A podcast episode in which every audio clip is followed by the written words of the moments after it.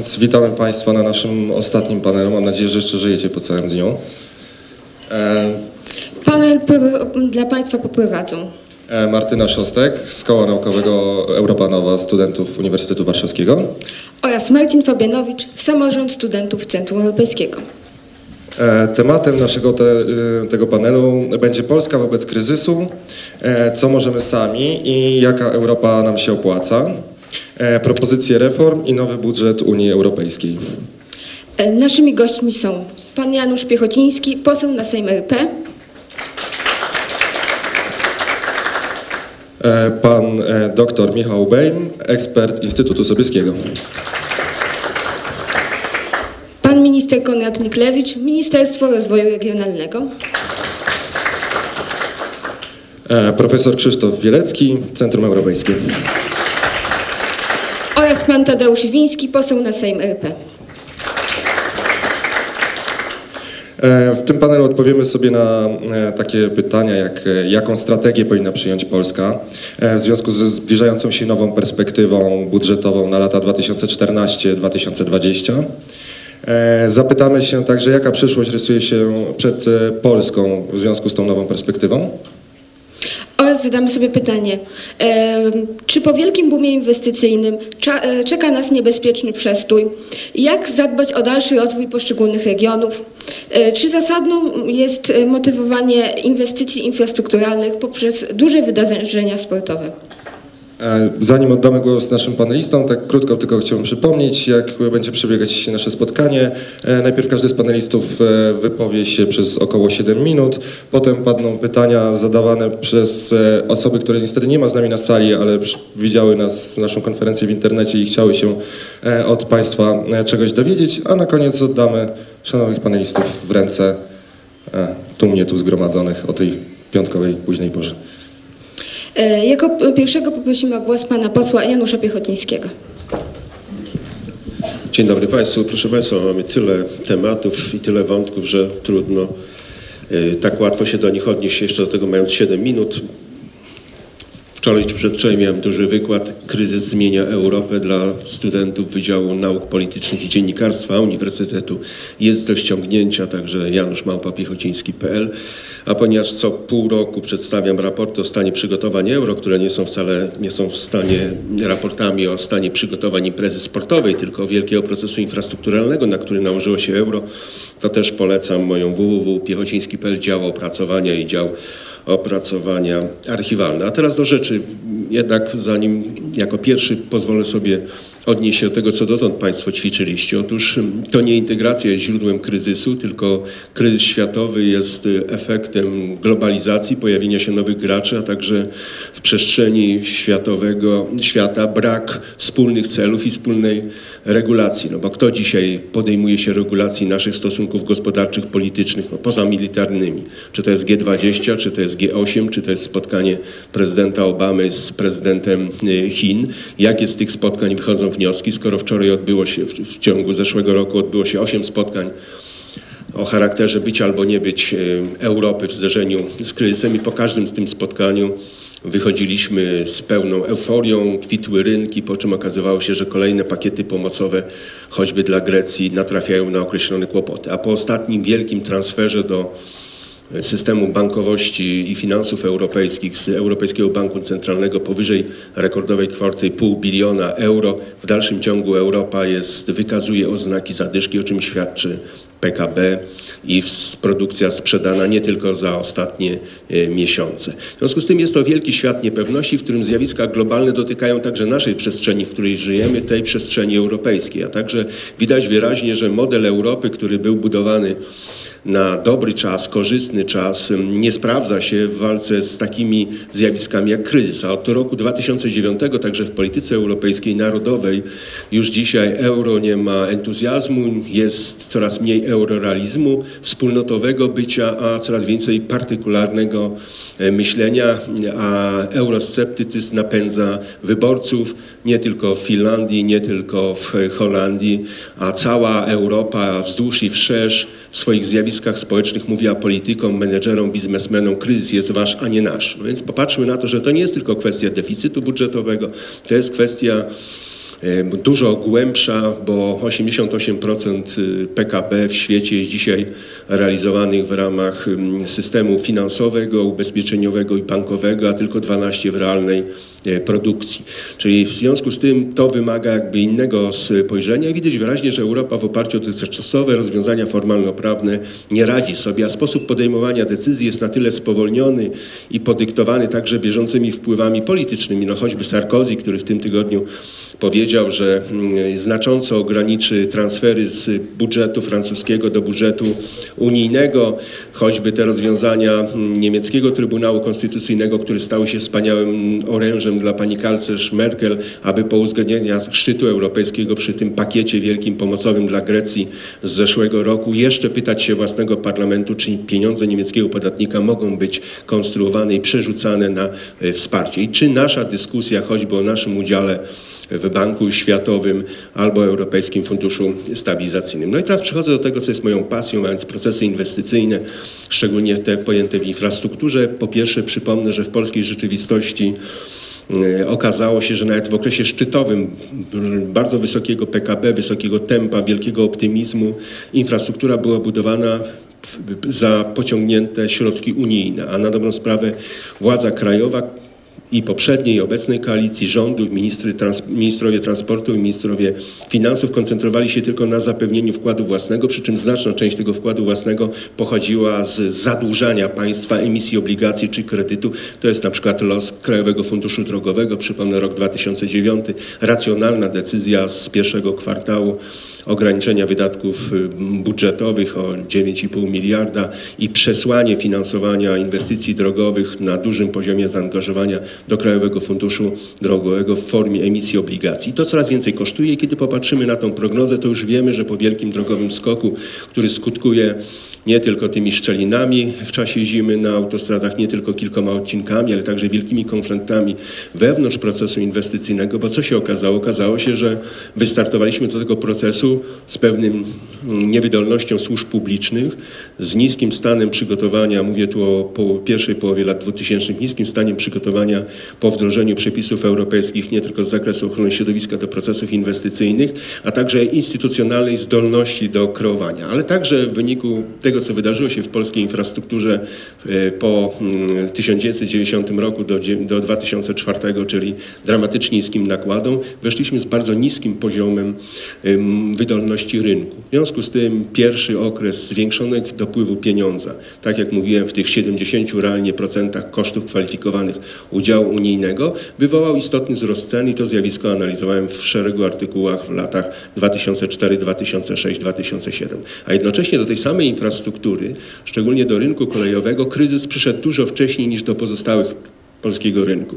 A więc w kolejnictwie szczytowym e, e, rokiem e, przewozów to był rok 2007, a już w 2008 ujawniła się tendencja spadkowa i uwaga, nawet po pewnym ożywieniu ostatnich dwóch lat w przypadku polskiej gospodarki w dalszym ciągu nie osiągnęliśmy takich kwestii. A więc po pierwsze mamy taką sytuację, gdzie jesteśmy po tym wielkim drogowym skoku, no i tutaj y, trzeba pamiętać o tym, że pociągnięcie pieniędzy unijnych w ostatnich 3-4 latach kreowało deficyt budżetowy na poziomie między 30 a 40 miliardów złotych.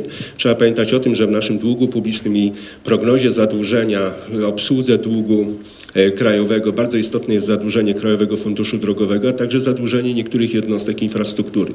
Otóż w dalszym ciągu nad PKP SA ciąży dług 4,3 do 4,5 miliarda e, złotych. E, już dramatycznie rosną obsługi tego obsługiwania zadłużenia tego długu.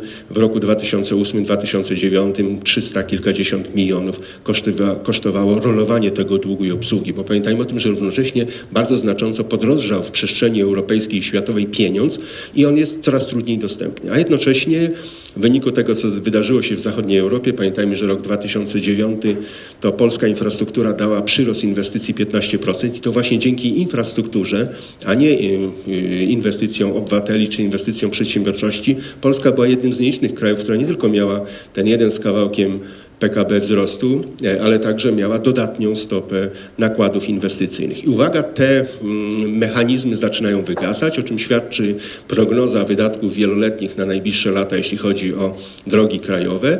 I tu widzimy, że y, schodzimy z 32 miliardów złotych, które planujemy w rachunku ciągnionym wydać w tym roku, schodzimy w roku 2013 do 8 miliardów złotych. A jednocześnie E, pamiętajmy o tym, że ten wielki skok inwestycyjny przede wszystkim dotyczył dróg krajowych, a więc podstawowej sieci około 19 tysięcy kilometrów dróg, które konsumowały ponad 50% w ogóle nakładów inwestycyjnych. Na dużo mniejszą skalę był ten proces inwestycyjny na drogach e, samorządowych, wspomagany także takim drobnym programem e, rządowym, tak zwanymi schetynówkami. W tej chwili w obszarze całej infrastruktury stoimy przed zasadniczym pytaniem z czego dokończyć już rozpoczęte inwestycje, skoro po pierwsze e, środki unijne wygasają, de facto na drogach zostały wydane.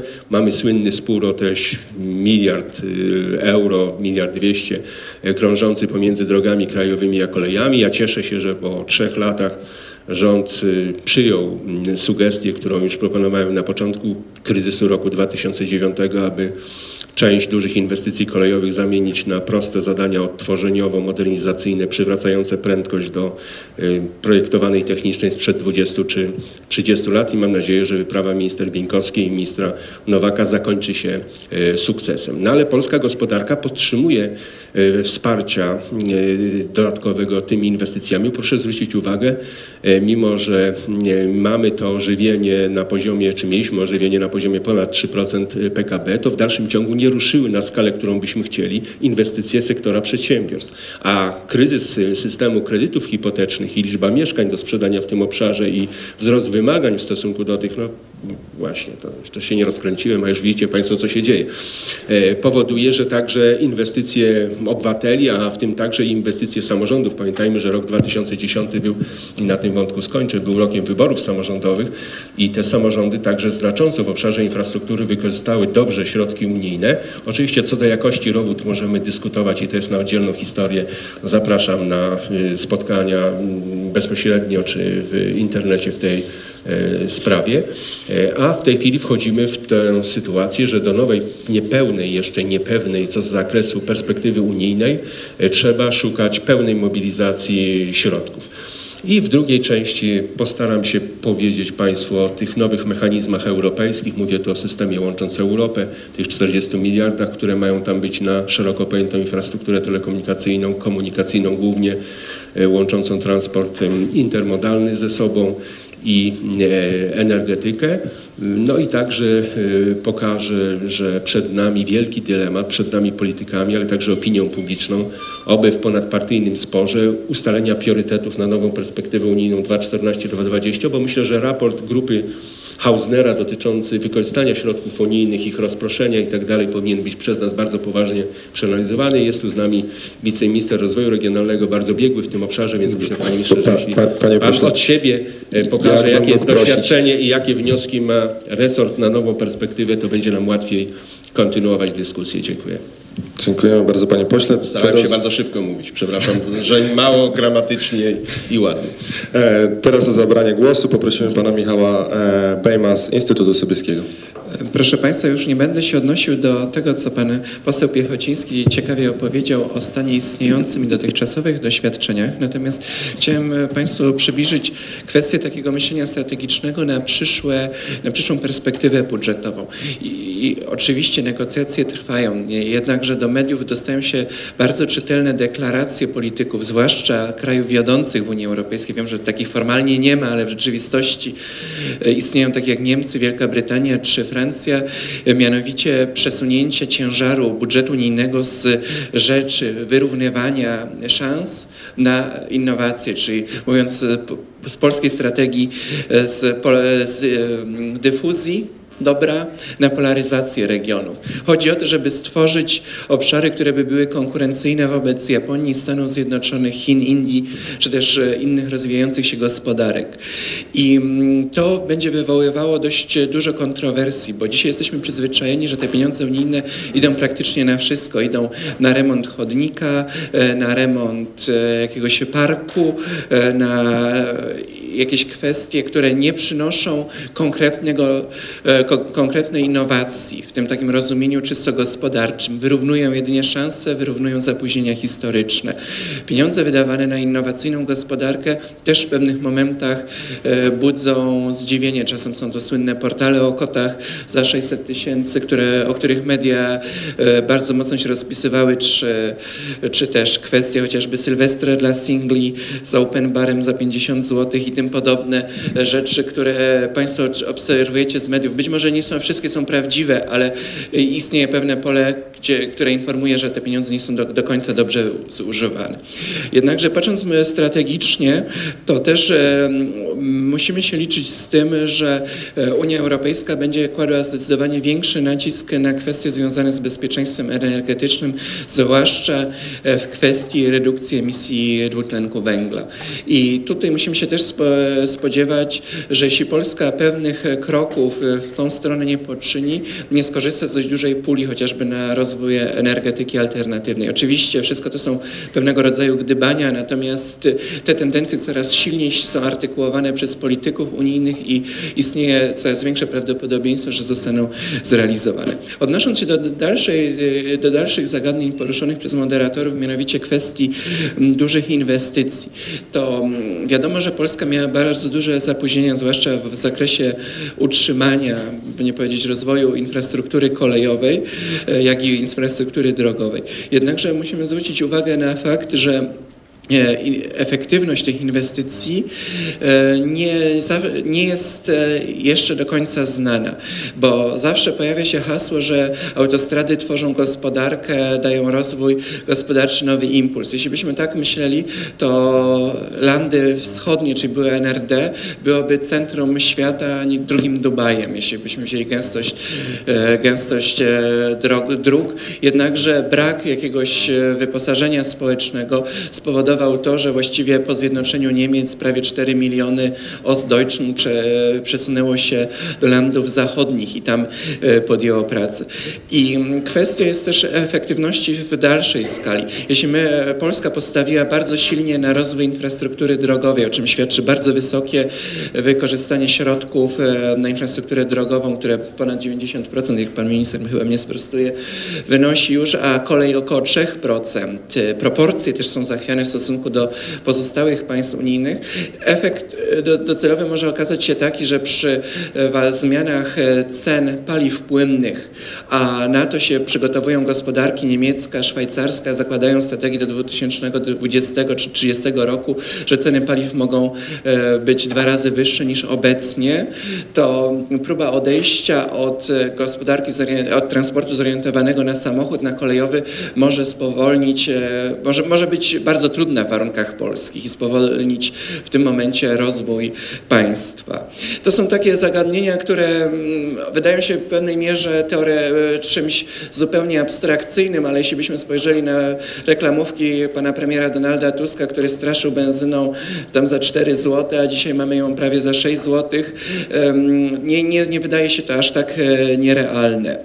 E, I też jest pytanie, na ile te wszystkie inwestycje czynione z pieniędzy unijnych nie podnoszą kosztów funkcjonowania odpowiednich organów e, administracji publicznej. Budowa basenów, budowa, przykłady, przykłady chociażby z mojego rodzinnego Poznania, budowa term maltańskich, budowa dziesiątek różnych jakichś e, muzeów e, czy też obiektów rekreacyjnych, które zresztą one są całkiem sympatyczne, jednakże w efekcie one nie będą ani na siebie, na swoje utrzymanie zarabiać, jedynie obciążać gospodarkę, właśnie budżety miast, budżety regionów, czy też budżet państwa w przypadku infrastruktury e, drogowej.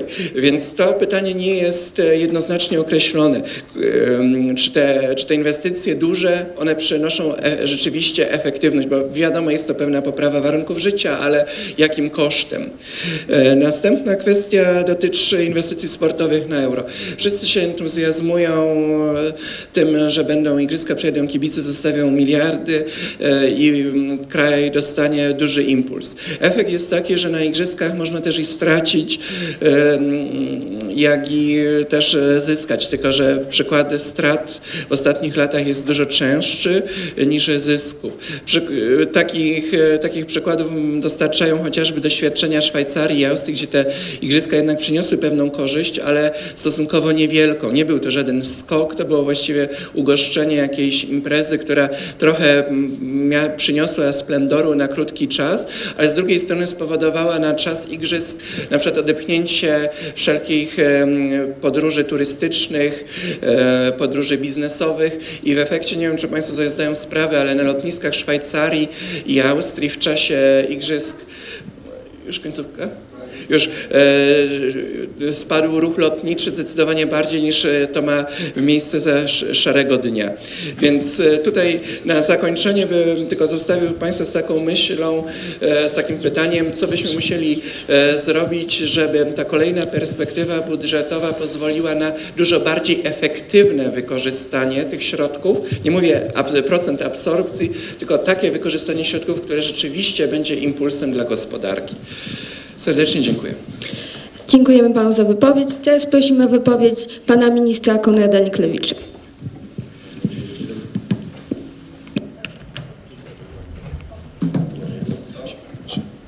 Dzień dobry Państwu. Mam nadzieję, że za moimi plecami zaraz się prezentacja wyświetli, którą dla Państwa przygotowałem. Na razie się nie wyświetla, czas goni, więc bez prezentacji. Y, Jeżeli przyrównamy wykorzystywanie funduszy europejskich do maratonu, to jego większa część jest już za nami. Trochę obcięte, no trudno. Y, Mamy już blisko 70 tysięcy umów na dofinansowanie we wszystkich programach na łączną kwotę ponad 296 miliardów złotych, z czego 203 miliardy to środki unijne. I e, kolejnych kilkadziesiąt miliardów czeka w poprawnych wnioskach, więc y, jesteśmy spokojni o to, że wszystkie dostępne pieniądze wydamy. Odbiorcy wsparcia wydali już 136 miliardów złotych i ta ostatnia kwota jest ważna, bo to pokazuje, ile pieniędzy w ramach tego wsparcia unijnego faktycznie już pracuje, niekiedy nawet od dłuższego czasu w gospodarce. Y, Efekty wsparcia są, mamy nadzieję, widoczne na każdym kroku praktycznie, ale ja bym chciał zwrócić uwagę na, na te efekty, które nie są tak dobrze y, widoczne. Myśmy oszacowali, że w samym tylko 2011 roku tempo wzrostu polskiego PKB dzięki funduszom europejskim było szybsze o mniej więcej 0,6-0,8 y, punkta procentowego. No, punkta procentowego to jest bardzo dużo. A jeszcze są przecież inne efekty. Tylko w ramach dwóch programów operacyjnych, kapitał ludzki i innowacyjna gospodarka, do 2015 roku y, powstanie, bądź już powstało nowych, 200 tysięcy nowych miejsc pracy. Mm, Fundusze europejskie były, są i będą wykorzystywane przykładowo w ramach działań osłonowych towarzyszących y, reformie emerytalnej.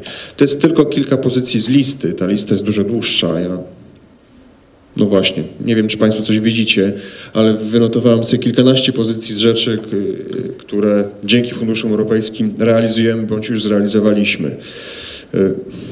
I tutaj uwaga do pana posła y, Piechocińskiego, który powiedział, że myśmy zaczęli realizować y, politykę spójności nieprzygotowani. Jeżeli te liczby, panie pośle, są dowodem nieprzygotowania, to proszę pokazać przykład przygotowania. Gdzieś na świecie znaleźć jakiś y, przykład, gdzie tyle dróg się buduje w tak krótkim czasie, tyle innych inwestycji. Po wielkim, czy po wielkim boomie inwestycyjnym czeka nas przestój? No, prawdą jest to, że y, w najbliższych latach y, czeka nas pewne spowolnienie wydatkowania funduszy europejskich i związanych z nim pieniędzy krajowych, ale taka jest y, natura funduszy europejskich. Zawsze jest tak, że pomiędzy środkami poszczególnych wieloletnich perspektyw finansowych, pomiędzy środkami poszczególnych siedmiolatek, y, to y, wydatkowanie spada. To jest taka sinusoida. To tak po prostu działa. I tutaj na tym slajdzie widzicie Państwo, jak planujemy budżet środków europejskich y, wydatkowany w kolejnych latach. Czyli ten rok i kolejny rok to jest szczyt, który potem będzie dość radykalnie spadał, ale, i tu przechodzę do kolejnego slajdu, nadchodzi kolejna perspektywa. I my w tej perspektywie spodziewamy się dostać więcej pieniędzy niż na lata 2007-2013. Nie podam Państwu konkretnej kwoty, także dlatego, że za negocjacje koperty finansowej odpowiada minister spraw zagranicznych, a nie minister rozwoju regionalnego. Natomiast y, spodziewamy się, że będą to środki bardziej znaczące, ale zarazem też bardzo y, często powtarzamy, to jest ostatni tak duży budżet dla Polski 2014-2020. Potem będziemy już dostawać tylko mniej, także dlatego, że Polska będzie tyle bogatym krajem, że z wielu rodzajów wsparcia nie będziemy mogli korzystać. Organizatorzy zadali pytanie tej konferencji, organizatorzy, czy infrastrukturę budujemy na euro? Ja uważam, że nie. Nie budujemy infrastruktury na euro. Budujemy ją dla siebie, dla Polski na kolejne dziesięciolecia. To się po prostu nałożyło z euro. Wszystkie inwestycje infrastrukturalne finansowane z funduszy europejskich nie mają związku z euro, mają związek z rozwojem gospodarczym Polski i z zapewnieniem większego komfortu życia mieszkańców Polski. Y, Przechodząc do naszych planów na przyszłość, no, ja bym chciał jeden fakt podkreślić. Już obecnie jedna trzecia y, wszystkich funduszy europejskich, prawie jedna trzecia, jest wykorzystywana w ramach 16 regionalnych programów operacyjnych, które są zarządzane przez samorządy. Myśmy poszli w stronę modelu, w którym jest bardzo duża rola instytucji lokalnych w zarządzaniu funduszami europejskimi. I trzeba przyznać, to jest efektem właśnie tej dużej roli instytucji lokalnych jest to, że pojawiały się owszem inwestycje typu akwaparki, jakieś parki rozrywki. Tego w kolejnej perspektywie nie będzie. Myśmy wyciągnęli wnioski z tego, co się zdarzyło i aczkolwiek wszyscy lubimy móc pójść do akwaparku w weekend i tam się wykąpać, czy zażyć innej rozrywki, tak faktycznie nie służy to w większym stopniu rozwojowi gospodarczemu. A kolejna perspektywa, jako że musi być powiązana ze strategią gospodarczą Europa 2020, Kolejna perspektywa finansowa będzie się koncentrować na wzroście gospodarczym, na kapitale ludzkim, na innowacyjności, na badaniu i, i, i na rozwój. Y, Kolejny slajd. Czy Mazowsze straci część środków przez bogatą Warszawę? To jest stereotyp, z którym my walczymy od dłuższego czasu. Nie wiem z jakim skutkiem, mam nadzieję, że z dobrym. Nie. Mazowsze nie straci pieniędzy przez Warszawę. I co więcej, proponowanie modeli, w którym z Mazowsza wyłącza się Warszawę, żeby te, temu obwarzankowi, który pozostanie, był, było lepiej, to są złe propozycje. Myśmy to bardzo starannie e, oszacowali. Mazowsze, gdyby wyłączyć z niego Warszawę, straciłoby na tym, finansowo by straciło. I y, my już na obecnym etapie możemy powiedzieć, że mamy gwarancję, że regiony, które po raz pierwszy opuszczą tak zwany y, cel konwergencji, czyli regiony, które po raz pierwszy przestaną mieć średnią, y, znaczy przestaną mieć PKB niższe niż 75% średniej unijnej, one będą dostawać nadal bardzo intensywne wsparcie y, na po- poziomie podobnym do perspektywy poprzedniej. Jaka jest lub będzie pozycja negocjacyjna Polski w y, dyskusjach o przyszłym budżecie Unii Europejskiej? Y, No, robimy wszystko, co możemy, żeby była pozycja jak najsilniejsza. Przykładowo, w tej chwili ja jestem w przerwie między wyjazdami do krajów Unii Europejskiej, w trakcie których to wyjazdów staramy się przekonywać naszych partnerów europejskich, że polityka spójności to jest polityka, która służy całej Unii Europejskiej. I tu znów się do pana posła odniosę. To nie jest tak, że Unia Europejska wykazała podczas kryzysu, że jest niedostoso- niedostosowana do kryzysu. Otóż polityka spójności okazała się być narzędziem znakomicie dostosowanym do, do kryzysu i Polska jest tego najlepszym przykładem. Bo to, że mieliśmy dzięki polityce spójności szybszy wzrost gospodarczy, to jest właśnie ten dowód. I my o tym przypominamy naszym partnerom w Europie. W przyszłym tygodniu będziemy w Holandii, będziemy w Niemczech, będziemy o tym mówić. Za moimi plecami jest cytat z tego raportu. Z każdego euro, które Niemcy wkładają do koszyka polityka spójności dla krajów Grupy Wyszehradzkiej, do gospodarki niemieckiej trafia euro przecinek 25 eurocentów. Niemcy zyskują na wdrażaniu polityki spójności. No i ostatnia mój slajd. Jak dbać o rozwój poszczególnych regionów? My będziemy dbali o to, żeby wsparcie, polityka spójności uznawała znaczenie wymiaru terytorialnego, żeby to wsparcie było dopasowane do lokalnych potrzeb. I to jest nowy element w, w polityce spójności, który pokaże się, który zacznie być realizowany w nowej perspektywie. Czegoś takiego do tej pory nie było i Polska bardzo mocno to forsuje. Dziękuję Państwu. E, Dziękujemy bardzo panie ministrze. E, Prosimy teraz o e, wypowiedź pana profesora Krzysztofa Bieleckiego z Centrum Europejskiego. Dziękuję uprzejmie. Proszę Państwa, kiedy mam, skoro mam mało czasu, to y, siłą rzeczy mało sz- szczegółowo, a bardziej ogólnie. Y, I może mm, przede wszystkim anegdotycznie, żeby ostro pokazać na czym i wyraziście pokazać, na czym polega moja teza. Pierwsza anegdota jest y, osobista, mianowicie w 2007 roku na początku złożyłem w jednym z największych wydawnictw naukowych w Polsce książkę o nadchodzącym kryzysie i wtedy odpowiedziano mi, że po naradzie z menadżerami tego wydawnictwa y, do, wydawnictwo doszło do przekonania, że temat książki nie ma nic wspólnego z rzeczywistością. Y, W związku z tym przepraszają. Y, Ja odpowiedziałem na to, że bardzo się cieszę, że tam menadżerowie określają, jaka jest w Polsce rzeczywistość, Y, no ale to oczywiście było ujadanie bezproduktywne. Y, Jak wiadomo, w 2008 roku kryzys grzmotnął już tak wyraziście i wtedy pamiętam, że jechałem samochodem i w radio słyszałem rozmowę z jednym z profesorów, ja przez miłosierdzie nie powiem z którym, wybitnych profesorów polskiej ekonomii, praktyk równocześnie polskiego życia y, gospodarczego, którego pani dziennikarka indagowała, czy ten kryzys potrwa długo. Był wrzesień mniej więcej y, 2008 roku, czyli kryzys już trwał mniej więcej od sierpnia.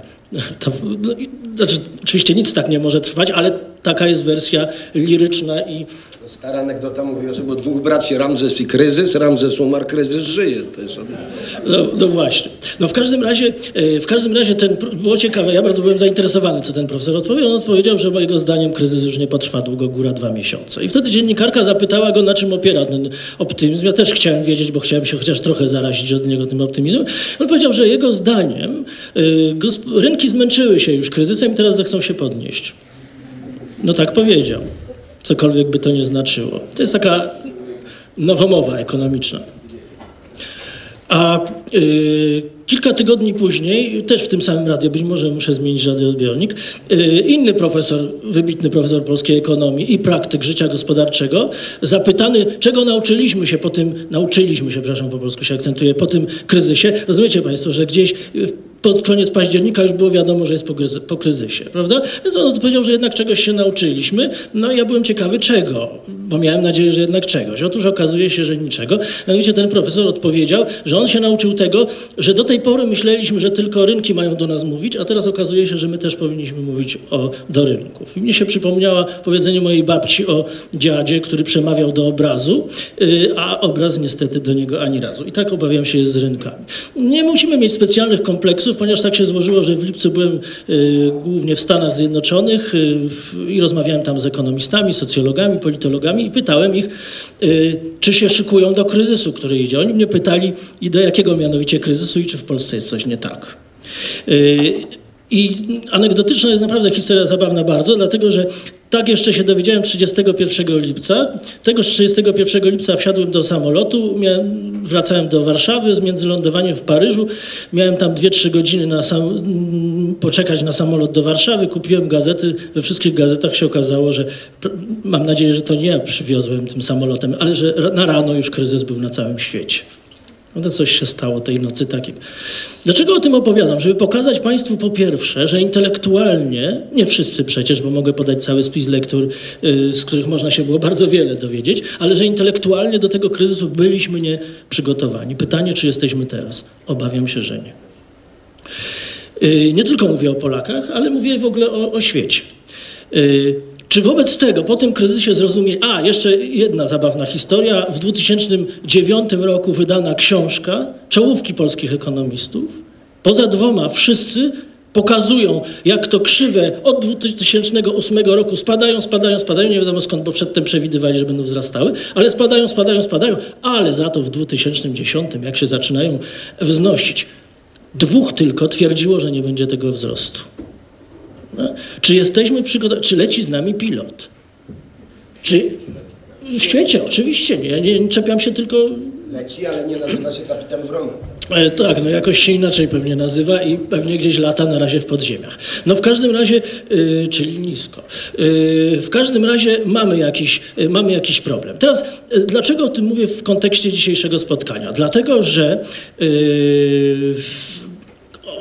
już wiemy, z jakich środków mieliśmy ten y, wzrost gospodarczy, no bo to panowie w zasadzie powiedzieli, ten wzrost gospodarczy, który w Polsce mieliśmy i niestety z tego, co tu dzisiaj usłyszałem, wynika, że główne czynniki tego wzrostu to się już skończyły lub się... Nie. Tak. Teraz jest pytanie takie. Y, Moim zdaniem mieliśmy zupełnie bezprecedensową szansę, my to znaczy Polska, mieliśmy bezprecedensową szansę, która narodziła się w 1989 roku. Yy, wolność, yy, Unia Europejska, yy, NATO, wielkie pieniądze wpompowane w polską gospodarkę, zmiana systemu. Podobnie dobrej sytuacji nie było nawet chyba w XVI wieku, który jest uważany za złotą epokę y, dla nie tylko polskiej gospodarki, ale w ogóle dla Polski. Pytanie jest, co myśmy zrobili z tą wielką szansą? Otóż moim zdaniem niestety yy, niewiele i nie strzelam tu do jednej bramki, do wszystkich bramek. Niewiele. Otóż ta szansa już minęła.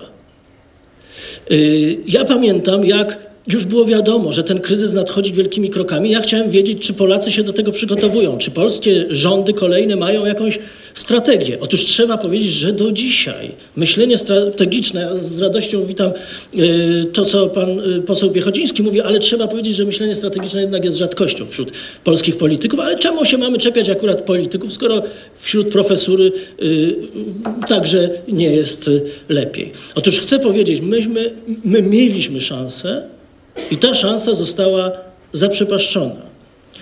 Czy wobec tego jesteśmy bez szans?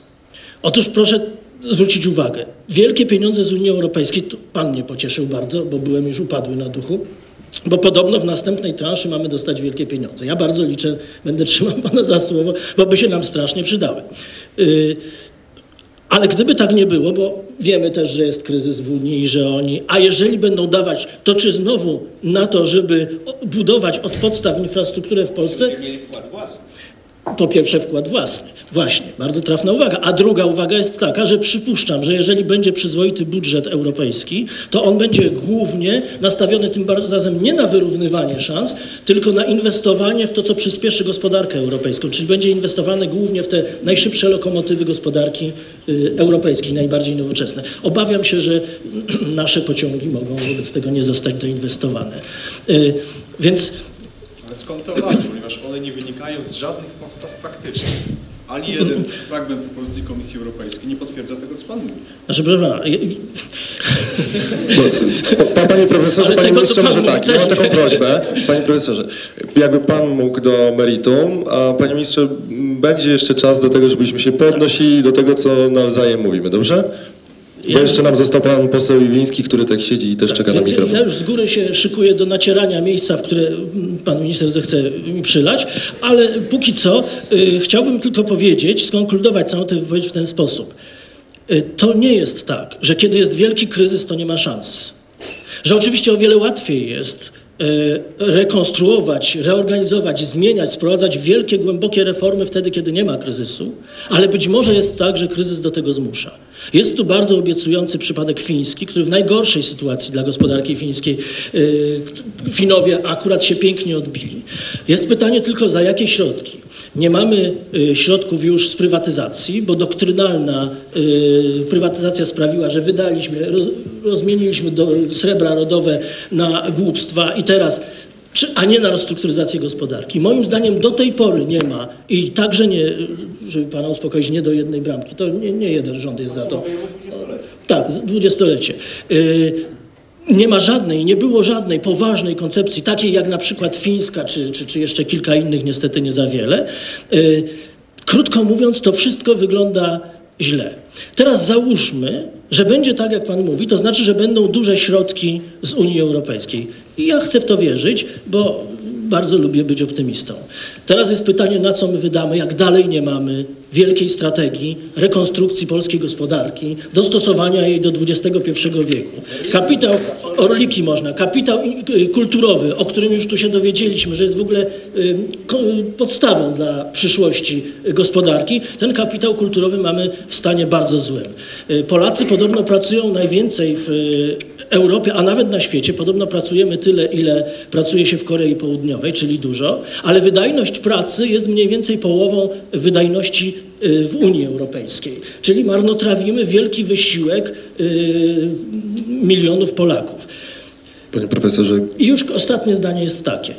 Y, Sytuacja jest na tyle zła, moim zdaniem, że przyszła najwyższa pora, żeby zacząć poważnie rozmawiać. Nie o orlikach, nie o, wszystko bardzo pięknie, tylko żeby zacząć rozmawiać o tym, czy spróbujemy w ostatnim rzucie na taśmę zbudować strategię wykorzystującą również nasze słabości i ten kryzys światowy, czyli w niesprzyjających warunkach, ale na kryzysie jedni przegrywają, a drudzy zarabiają.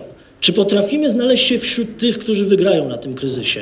Y, otóż niech przyjdą te środki europejskie. Ja święcie wierzę, skoro pan tak powiedział, na pewno przyjdą. Tylko na co my je wydamy? Obyśmy tym razem wydali na zrekonstruowanie, prze, przebudowanie y, polskiej gospodarki tak, żeby była gospodarką nowoczesną i żebyśmy przestali jechać w ogonie europejskim, a zaczęli jechać właśnie, żeby było tak, że w przyszłości, jak pan powiedział, że w przyszłości będziemy mieli coraz mniejsze dotacje europejskie, bo będziemy tacy bogaci, czego sobie i państwu życzę. Dziękuję. E, Dziękujemy za wypowiedź, panie profesorze. Na koniec tej części poprosimy o zabranie głosu pana posła Tadeusza Iwińskiego. Dzień dobry Państwu. Ja jestem w szczególnie niekorzystnej sytuacji nie dlatego, że mówię ostatni, ale znajduję się jak ta żaba w anegdocie, która miała zdecydować, czy y, w kolejce, w dwóch kolejkach do lasu, że w jednej, żeby się ustawiły zwierzęta mądre, a w drugiej pięknej, to ona mówi, no przecież się nie rozerwę. Także Otóż według wszystkich badań od lat niezmiennie na czele hierarchii zawodów i tak dalej są profesorowie, a najgorzej są oceniani politycy. No więc ja się nie rozerwę, jestem w środku, ale raczej będę mówił jako człowiek nauki. I do tych ciekawych uwag, które tu padły, yy, choć w zasadzie mógłbym z pierwszymi trzema panelistami polemizować z to drugim zdaniem każdego z nich. Najbliższe jest mi podejście pana profesora Wielickiego. E, Wielskiego, e, ale zacznę od czegoś innego. To, czego mi braknie w tej dyskusji, w wielu dyskusjach, to jest jakby pewne widzenie hierarchii i problemów. No Bernard Shaw mówił kiedyś tak, tak naprawdę istnieją tylko dwa problemy globalne niezmienne. Niedobór wody i nadmiar idiotów. To, jest, to się stosuje do, pod każdą szerokością geograficzną całej historii. I jeżeli się przystępuje do dyskusji na bardzo y, trudne, skomplikowane tematy, to jeżeli się sięga do szczegółów, czy do spraw ważnych, ale szczegółowych, drogi, środki europejskie, euro i tak dalej, to siłą rzeczy, nolens volens, człowiek się natyka na te dylematy jakby zasadnicze, podstawowe. No i, i ta dyskusja jest niestety, cechuje się przynajmniej do tej pory, że wskażę najsłaby element, tym błędem. Więc jeżeli na przykład pan y, poseł Piechociński, który należy do eli- elity intelektualnej PSL-u, mówi, że kryzys y, wywołała globalizacja, no to przepraszam, globalizacja zaczęła się wtedy, kiedy ludy syberyjskie przeszły przez Szczecinę Beringa do dzisiejszej Alaski, a rozwinęła od czasu wielkich odkryć geograficznych. Więc czy, jeżeli mówi, co mówi Sarkozy, co mówi Sarkozy nie ma żadnego znaczenia, bo za niewielki miesiąc z okładem już nie będzie prezydentem, prawda?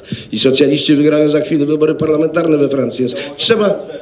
Nie, nie, ale chodzi mi o to, że trzeba patrzeć jakby y, w pewnej perspektywie, więc żeby spróbować y, króciutko uporządkować to, co chcę powiedzieć, to tak.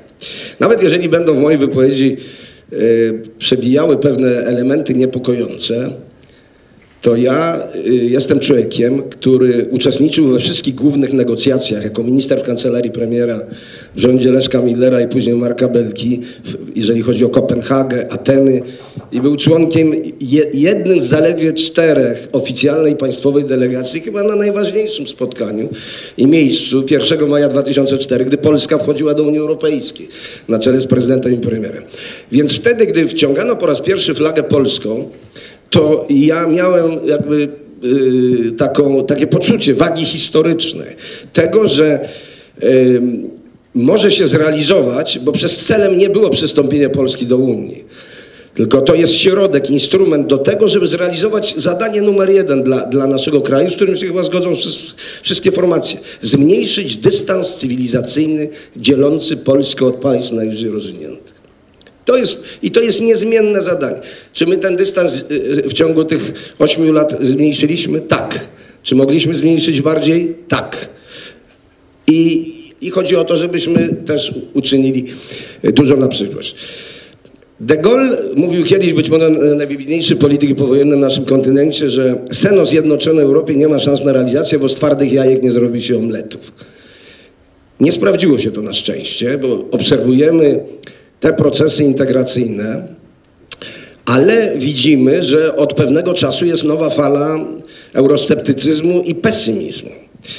Ona wynika z wielu rzeczy. Ja 20 lat temu w jednej ze swoich książek napisałem coś, co dzisiaj jest banalne, a co wtedy wydawało się było oryginalne. Że Europa to jest półwysep Azji. Nie ma dzisiaj Europy. Nie chodzi tylko o to, że my, mówiąc o Europie, która ma 800 milionów ludzi i 50 państw, mylimy ją z Unią Europejską, która ma 27 państw, za chwilę będzie więcej, Chorwacja i tak, i ma 500 milionów. Tylko wydaje mi się, że dzisiaj jest tylko Euroazja, że bez Rosji się nic nie zmieni. Nic się nie zrobi w Europie i bez Turcji. I dzisiaj mamy taki układ światowy, że są cztery y, jakby centra podstawowe, Stany osłabione, ale kluczowe, Chiny idące do przodu, Unia Europejska, ale tylko en bloc, bo nie ma żadnego znaczenia Francja, Niemcy z punktu widzenia Chin.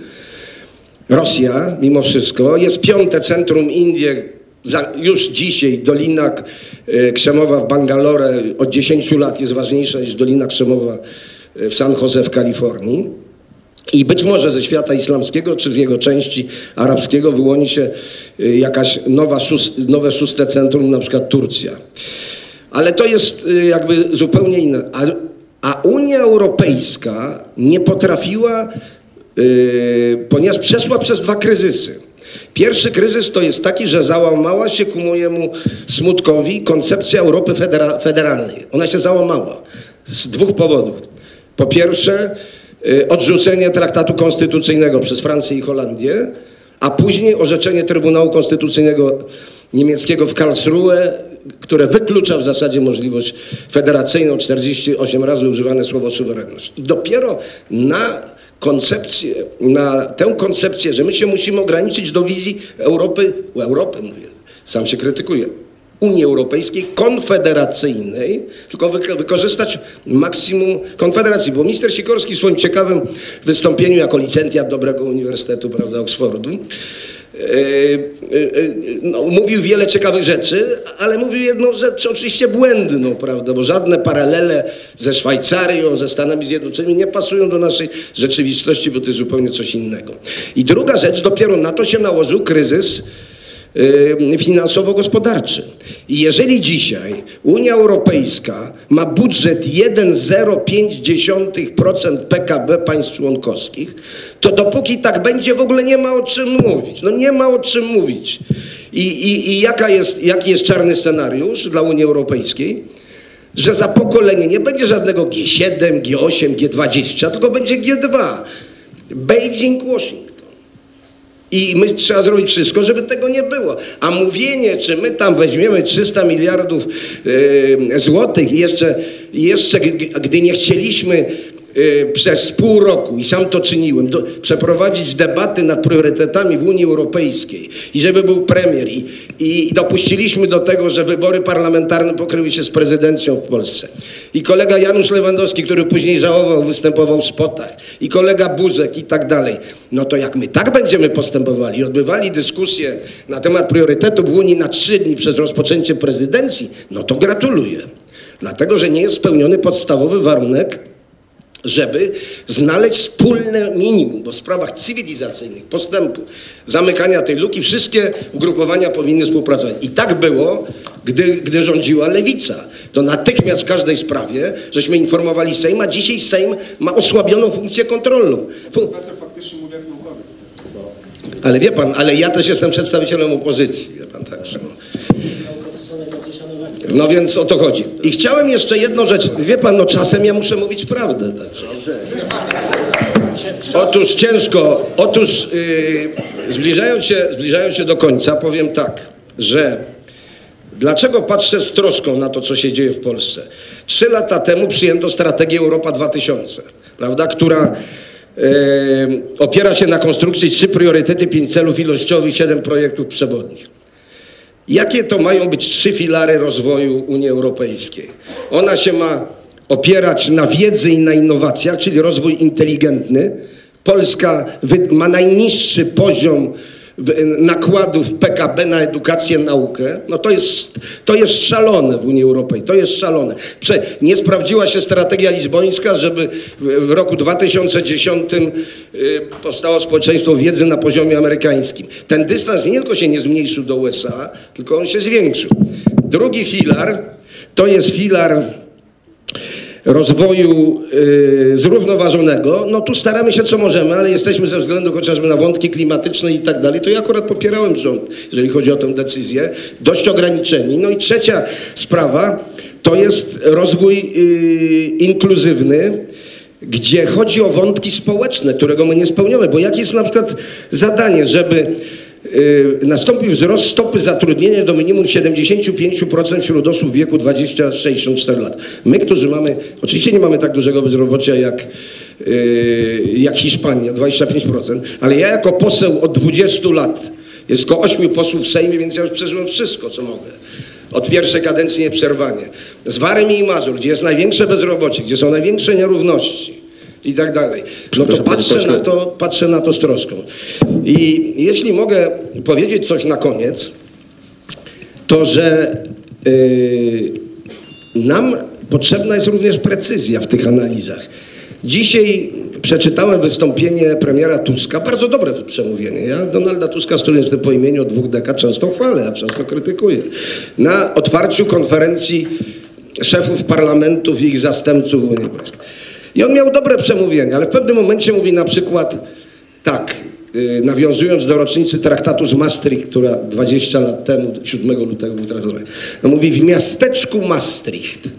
Otóż miasteczko Maastricht jest większe od Elbląga, Zielonej Góry i tak dalej. Być może pomyliło mu się to z wioską Schengen, maleńką wioską luksemburską, która ma półtora tysiąca, śliczną zresztą. Maastricht, stolica Limburgii też jest uważana za najstarsze w ogóle miasto Holandii. Więc nam jest potrzebna precyzja w analizach i tak dalej.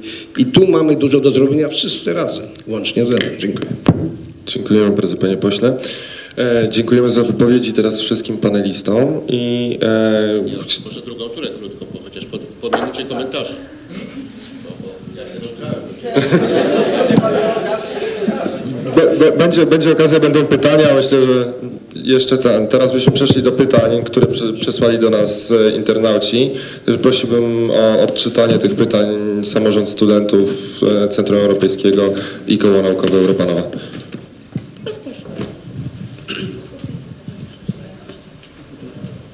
To tak, pierwsze pytanie do pana Tadeusza Jewińskiego.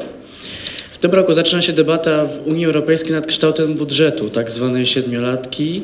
Jakimi kartami przetargowymi dysponuje Polska w tej kwestii? Na co realnie możemy liczyć w przyszłym okresie budżetowym Unii Europejskiej? Media mówią o pieniądzach na, restru- na restrukturyzację kolei. Czy dostaniemy pieniądze na autostrady, których nadal jest stosunkowo mało? Plus jeszcze mam pytanie, też pytanie od uczestnika dla pana ministra Niklewicza. Będzie też drugie moje osobiste pytanie. Tak więc najpierw te pierwsze.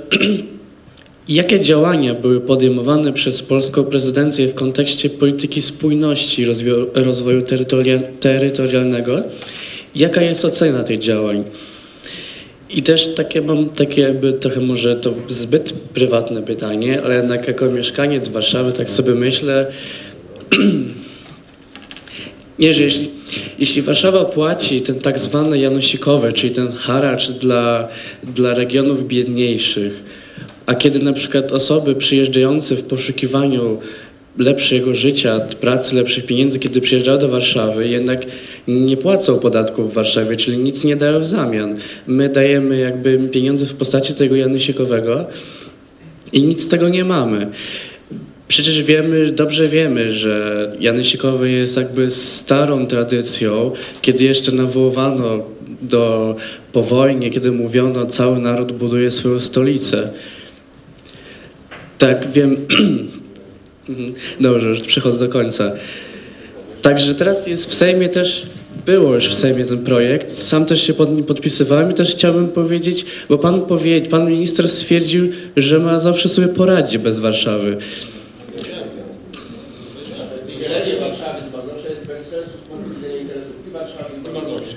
No więc właśnie jak sobie poradzą te... Tak.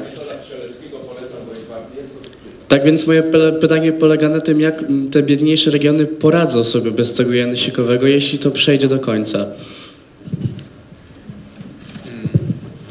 Teraz ja mam pytanie dla pana posła Piechocińskiego. E, Ostatnie lata pokazały, że inwestycje w Polsce są podejmowane o wiele bardziej intensywnie przy okazji dofinansowań z budżetu Unii Europejskiej oraz w perspektywie wielkiego wydarzenia, jakim jest Euro 2012. E, Wszystko to miało miejsce podczas recesji i prawdopodobnie uchroniło Polskę od dotkliwych jej skutków. Czy jest możliwe, e, że kryzys nastąpi w Polsce z opóźnieniem i będzie związany ze zmniejszeniem ilości inwestycji w kraju? E, I jeszcze pytanie do pana Bejma. E, Jak pana zdaniem wykorzystaliśmy szansę na rozwój infrastruktury, jaką dały środki z budżetu Unii Europejskiej oraz inwestycje związane z Euro 2012? Ja z kolei mam pytanie do pana profesora Wieleckiego. Z ogłoszonego niedawno raportu e, Kurs na innowacje pod redakcją profesora Jerzego Hausera wynika, że rozwój naszego kraju jest w dużej mierze oparty na dyfuzji naśladowczej, czyli imporcie zachodnich maszyn i technologii. Polska stała się przez to montownią, a nie tworzy, y, a nie, a nie tworzy nowych innowacji. E, Montownie zawsze łatwo przenieść do tańszych krajów. Czy widzi pan profesor w tym zagrożenie? E, Dziękujemy za pytanie. Teraz prosimy naszych panelistów o odpowiedzi zgodnie z kolejnością zadawanych pytań.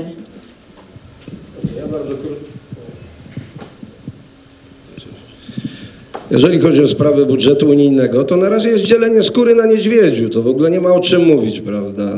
Do, można będzie mówić w przyszłym roku, w zależności od tego, jaka będzie koniunktura, jaki, jaki będzie układ polityczny, bo dlaczego ja mówię o kazusie francusko-niemieckim? Jeżeli wygra na mój, mój kolega od kilkunastu lat François Hollande i wygrają socjaliści i FDP pójdzie do piachu ostatecznie w wyborach w największym landzie y, 18-milionowej na terenie północnej Westfalii, to mogą nawet w tym roku odbyć się wybory wcześniejsze w Niemczech i pani Angela Merkel, znaczy jej partia zajmie pierwsze miejsce, ale nie będzie miała partnera i albo utworzy się wielka koalicja z SPD, jak była dwukrotnie w historii, albo będzie koalicja SPD-Zieloni. Krótko mówiąc, Hollande, który słusznie mówi, że pakt fiskalny, bo to jest dla mnie pakt zubożony. On jest potrzebny, ale jest zubożony. Dopóki nie będzie wzbogacony o mechanizmy rozwoju gospodarczego i tworzenia miejsc pracy, najważniejsza rzecz. To on jest podejściem e, magistra rostowskiego udającego profesora, czyli podejściem księgowego, prawda? To jest podejściem księgowego. Czyli za chwilę może być tak, że motor francusko-niemiecki, który jest motorem bardzo konserwatywnym, również pod wieloma względami, jeżeli chodzi na przykład o patrzenie na Unię, to co jest największą bolączką dzisiaj Polski. Otóż y, 8 lat na, naszej obecności w Unii bardzo dużo zmieniło. Polska jest zupełnie inna, buduje się i tak dalej, poza dyskusją. Ale nie zmniejszyły się nierówności społeczne, nawet się zwiększyły. Nie zmniejszyły się zróżnicowania regionalne, nawet się zwiększyły i tak dalej. Czyli ja chciałbym, żeby to był oczywiście budżet, którym i tu my dobrze akurat działamy, broniąc y, jakby imperatywów spójności, etc. Choć ja jestem sceptyczny, jeżeli chodzi o tę możliwość realizacji 300 miliardów y, złotych i niepotrzebnie to było wykorzystywane w kampanii wyborczej, bo to był wielki błąd, bo to pokazywał właśnie partykularyzm rządzącej partii. Zamiast działać razem, to w podtekście było tak, tylko my zapewnimy 300 miliardów. A ja nie chciałbym być, bo ja chciałbym, żeby to się zrealizowało, ale nie chciałbym być w skórze tych, którzy to obiecywali, jeżeli tego nie będzie, bo nie wiadomo, co będzie za rok, jaka będzie sytuacja. I yy, w związku z tym, no musimy też mieć poczucie, że wraz ze wzrostem egoizmów narodowych, a także potrzebą realizacji imperatywu solidarności, myśmy wzięli pieniądze, które kiedyś miała Hiszpania, Irlandia i inne kraje i teraz Bułgaria i Rumunia, które są państwami dużo bardziej yy, zacofanymi, no muszą wziąć te pieniądze, które myśmy dostali. I nie powinniśmy przeciwko temu protestować, no byłoby to niesprawiedliwe. A co do infrastruktury, to, je, to tu Janusz Piechociński jest najlepszym specjalistą. Ja mogę tylko powiedzieć, że do Olsztyna pociąg jedzie 5 godzin, do tego 220 kilometrów. Dziękujemy bardzo panie pośle. Teraz e, pan minister Niklewicz, jak mógł odpowiedzieć na pytanie. Y, Szybciutko, jakie działania podjęliśmy w trakcie polskiej prezydencji, jeżeli chodzi o politykę spójności? Ja przypomnę, że to właśnie w naszym półroczu Komisja Europejska przedstawiła pakiet legislacyjny, propozycję tego, jak ma wyglądać polityka spójności w przyszłości i my jako prezydencja rozpoczęliśmy formalne prace nad tym pakietem. Ponieważ to był początek, to nie możemy powiedzieć, że my cokolwiek zamknęliśmy. No taka jest rola prezydencji, że się po prostu jak w, y, w sztafecie przekazuje pałeczkę. Ale myśmy rozpoczęli tę dyskusję i w kilku y, ważnych punktach nadaliśmy nasze akcenty. Przykładowo bardzo mocno y, położyliśmy nacisk na wzmocnienie polityki miejskiej. Y, Coś, co naszym zdaniem jest przyszłością polityki spójności. Y, Także zdecydowaliśmy się i z sukcesem przeprowadziliśmy stworzenie czegoś nowego w działaniu instytucjonalnym Unii Europejskiej. W trakcie polskiej prezydencji po raz pierwszy odbyła się Rada do Spraw Ogólnych w formacie ministrów spójności. Nie ministrów spraw zagranicznych, ale ministrów spójności. Nikt przed Polską tego nie zrobił. Jeżeli chodzi o y, Janosikowe, znaczy ja bym w ogóle nie porównywał Janosikowego z, z tym przykładem PRL-owskim. To są zupełnie inne porządki, inna historia. Nie porównujmy tego. Natomiast Możemy dyskutować o tym, jaka jest metoda transferów międzyregionalnych, metoda zadbania o to, żeby y, państwo mogło rozwijać, rozwijać się w miarę równomiernie przy uwzględnieniu specyfiki każdego regionu. Ale proszę pamiętać, że musi istnieć jakiś mechanizm transferu funduszy publicznych pomiędzy e, regionami w sytuacji, w której to tylko w dużych miastach, a zwłaszcza w Warszawie, rejestrowane są firmy i tu odprowadzają podatek, działające w całym kraju. Proszę o tym pamiętać. Znaczy Warszawa korzysta z renty bycia stolicą i z tego są bardzo korzystne, duże, duże profity z tego wy, wynikają. W związku z tym powinien istnieć jakiś mechanizm, w, w którym część tej renty jest przekazywana do innych regionów, które też mają swoje potrzeby. Nie może być tak, że rozwija się tylko Warszawa, a reszta Polski nie. Ja mieszkam w Warszawie, chociaż jestem obywatelem Puław i zależy mi na dobru tego miasta, natomiast wiem, że jednak potrzebne są mechanizmy, które powodują, że część zysków generowanych w Warszawie może trafiać do innych krajów. Ale owszem, możemy dyskutować o metodzie, chociaż z drugiej strony powiem, że wydaje mi się, że problem Janosikowego jest y, czasami przejaskrawiany. Y, Ostatnie zdanie ode mnie.